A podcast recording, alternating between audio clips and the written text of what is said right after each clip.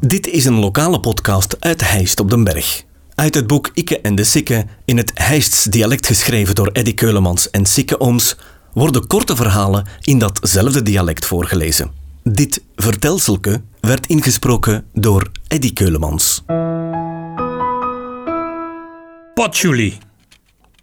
Ik heb al eens verteld dat we vroeger dikkes in Blankenbergen zaten om eens goed de beesten wat te hangen.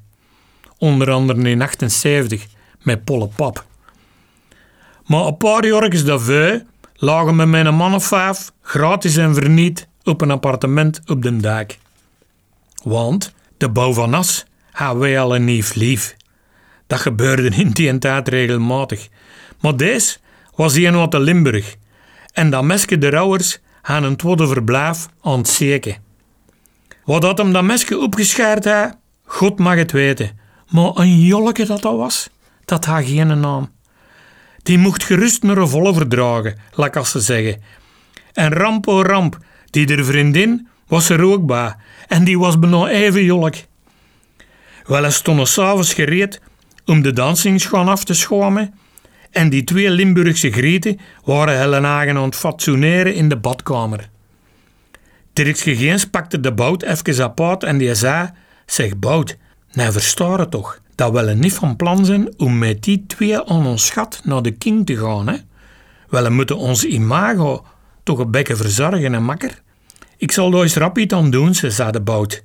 En hij ging even over en weer naar een winkeltje in de geburen en hij kwam terug met een flesje patchouli.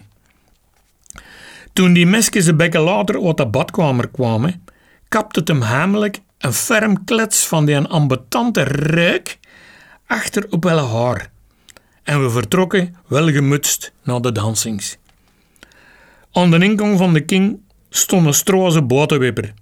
En wel mocht binnen, want hij kende ons nog van het jaar daarvoor. Maar toen dat die mesjes ons wouden volgen, kregen die een no-go. Want patchouli was toen in de meeste dansings streng verboden wegens de onuitstaanbare geur. En we waren er vanaf voor de rest van de avond. Wel hebben die mesjes s'nachts nog uit hele bed moeten bellen om binnen te geraken op dat appartement. En zanderdaags hebben die voor ons nog een lekker ontbijt klaargemokt, want die waren wel jolk, maar voor de rest vielen die het mee. Als je eens gaat winkelen in Hasselt of wandelen in Bokraak, dan komen ze misschien wel eens tegen. Je kunt niet missen. Wel, dat waren toch smeerlappers, hè, als je het fijn naga. Vooral de bout dan toch. Deze podcast kwam tot stand dankzij Huisdresselaars en Tropical. Volg de podcast op Facebook. Reageren kan je via de website ditishijst.be slash ikke en de of ikkeendesikke.be.